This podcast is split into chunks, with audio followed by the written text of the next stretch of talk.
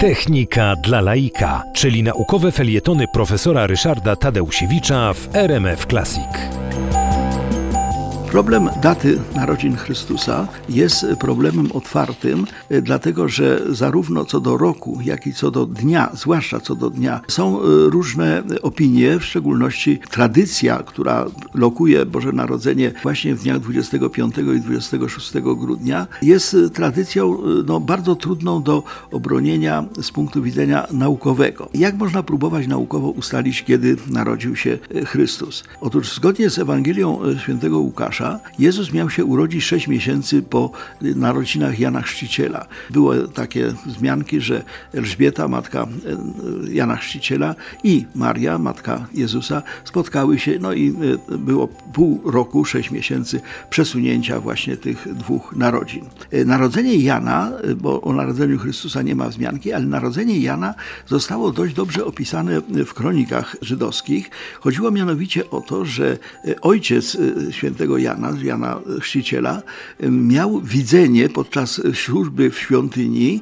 Zachariasz zobaczył anioła i ten anioł powiedział mu, że chociaż jego żona no, nie jest już najmłodsza, właśnie urodzi syna, no i że to będzie niezwykła postać. Pierwsza służba y, Zachariasza miała miejsce pod koniec miesiąca Kislew, czyli grudzień. Dodając 9 miesięcy ciąży Elżbiety i 6 miesięcy różnicy dat narodzin, otrzymujemy miesiąc Nisan. Miesiąc Nisan jako miesiąc narodzin narodzin Chrystusa, prawdopodobnych narodzin. I to był marzec albo kwiecień. Wobec tego jest to niezgodne z tradycją grudniową. Ale Zachariasz miał drugą służbę w świątyni, która miała miejsce w miesiącu Tamus. To był czerwiec, lipiec. Jeżeli w tym drugim okresie pojawiający się anioł i zwiastujący mu e, narodzenie jego syna, czy poczęcie jego syna, e, by rzeczywiście e, miał miejsce, no to znowuż przeliczając 9 miesięcy ciąży Elżbiety i plus dodatkowo dodatkowe 6 miesięcy e, ciąży Marii. Mamy wrzesień, e, październik. Wobec tego e, to, to nie jest, że tak powiem, termin, który byłby związany z grudniem. Wobec tego jest pytanie, skąd się wziął grudzień, a dokładnie mówiąc 25-26 grudzień, jako termin tego Bożego Narodzenia. Otóż to się już pojawiło w 180 roku naszej ery, a potem jeszcze potwierdzał to Hipolit z Rzymu w roku 202.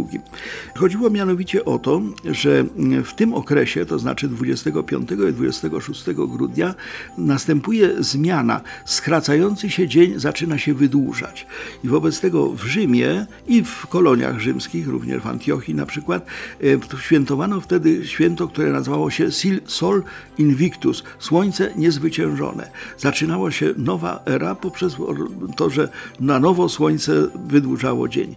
I wobec tego jest to prawdopodobne, że po prostu chrześcijanie, wtedy będąc jeszcze e, taką no, sektą e, mało, mało znaczącą w, w roli całego Imperium Rzymskiego, e, przyjęli to święto właśnie w dniu, którym ono i tak miało miejsce i związali ten bardzo ważny element, mianowicie wydłużania się dnia, no, z tym bardzo ważnym elementem narodzin Chrystusa. I taka pewnie była tradycja tego, że świętować będziemy właśnie 25 i 26 grudnia.